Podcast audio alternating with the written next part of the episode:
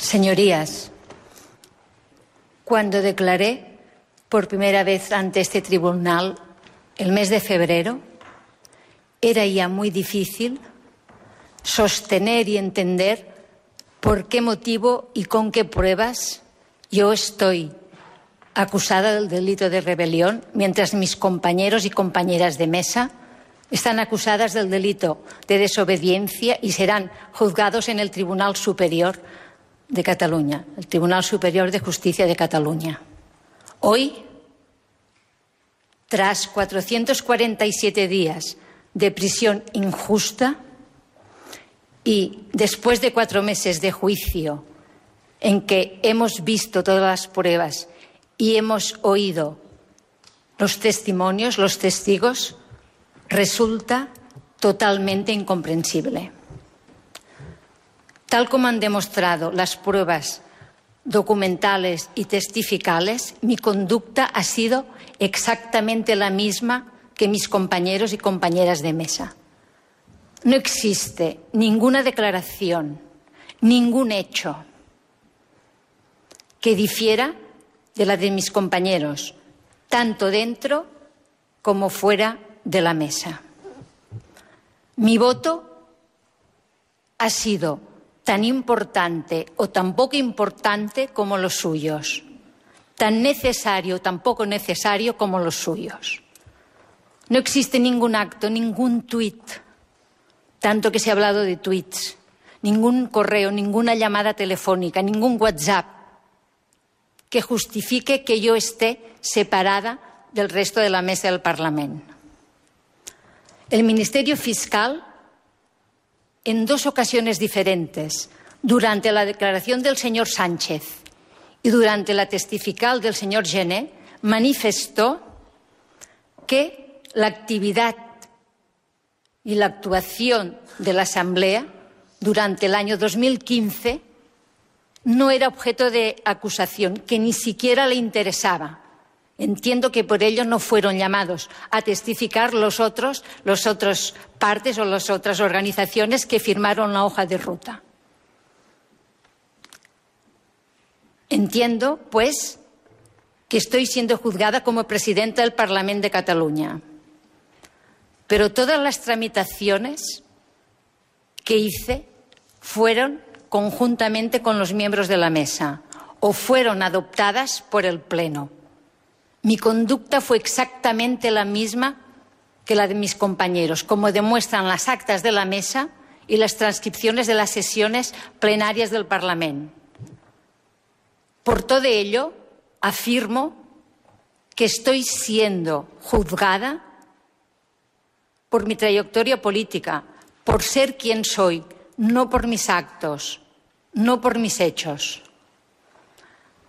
Prueba de ello son los desesperados y los descarados intentos de alterar, de cambiar la realidad para sostener la acusación o las acusaciones contra mí, como por ejemplo otorgarme funciones que como presidenta del Parlamento no tenía porque el reglamento no lo permite. No lo permite. Las iniciativas parlamentarias son de los grupos parlamentarios, del gobierno, de los ciudadanos, pero nunca de la mesa, nunca de la mesa. La mesa del Parlamento cumplimos en todo el momento el reglamento del Parlamento, tal y como han testificado todas las personas que han pasado por aquí, todos los testigos lo han dicho. Defendimos la libertad de expresión, el derecho de iniciativa, el derecho de participación política de todos los diputados y las diputadas. Esa es la realidad.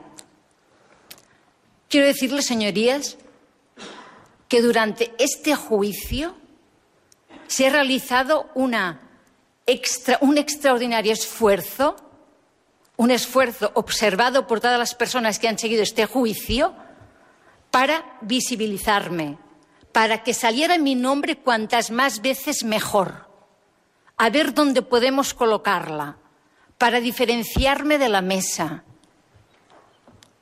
para incriminarme con falsos testimonios, sin ninguna prueba. Parece, señorías, que estos cuatro meses de juicios no hayan servido para nada. Han pasado por aquí todas las pruebas documentales, todos los testimonios, todas las pruebas testificales. No han servido para nada. Las acusaciones tenían la oportunidad de cambiar su escrito, de que aquellos hechos que se habían demostrado durante el juicio que no eran verdad, no volverlos a poner. Pero es que los han mantenido, los han mantenido. Se mantiene el escrito de acusación, que yo fui presidenta de la Asamblea desde el año 2011 hasta el 2015, pero es que yo lo fui desde, el desde abril del 2012 hasta mayo del 2015.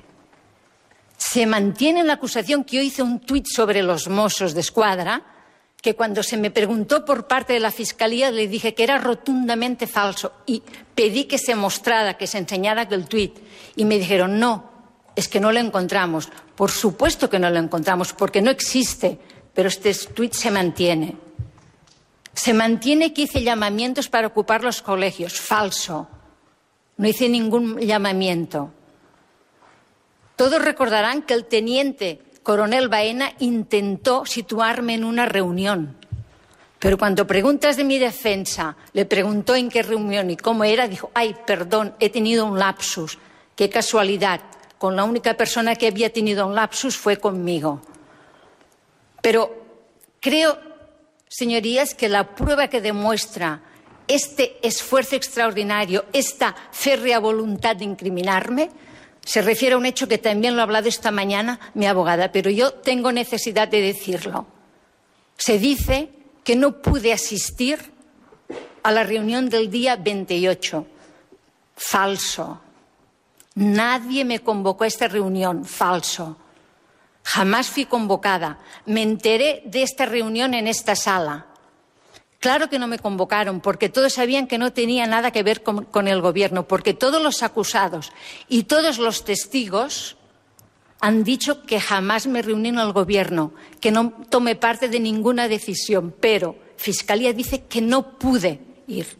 ¿Cómo puede ser que lo único que se cambie en el escrito de acusación sea otra falsedad?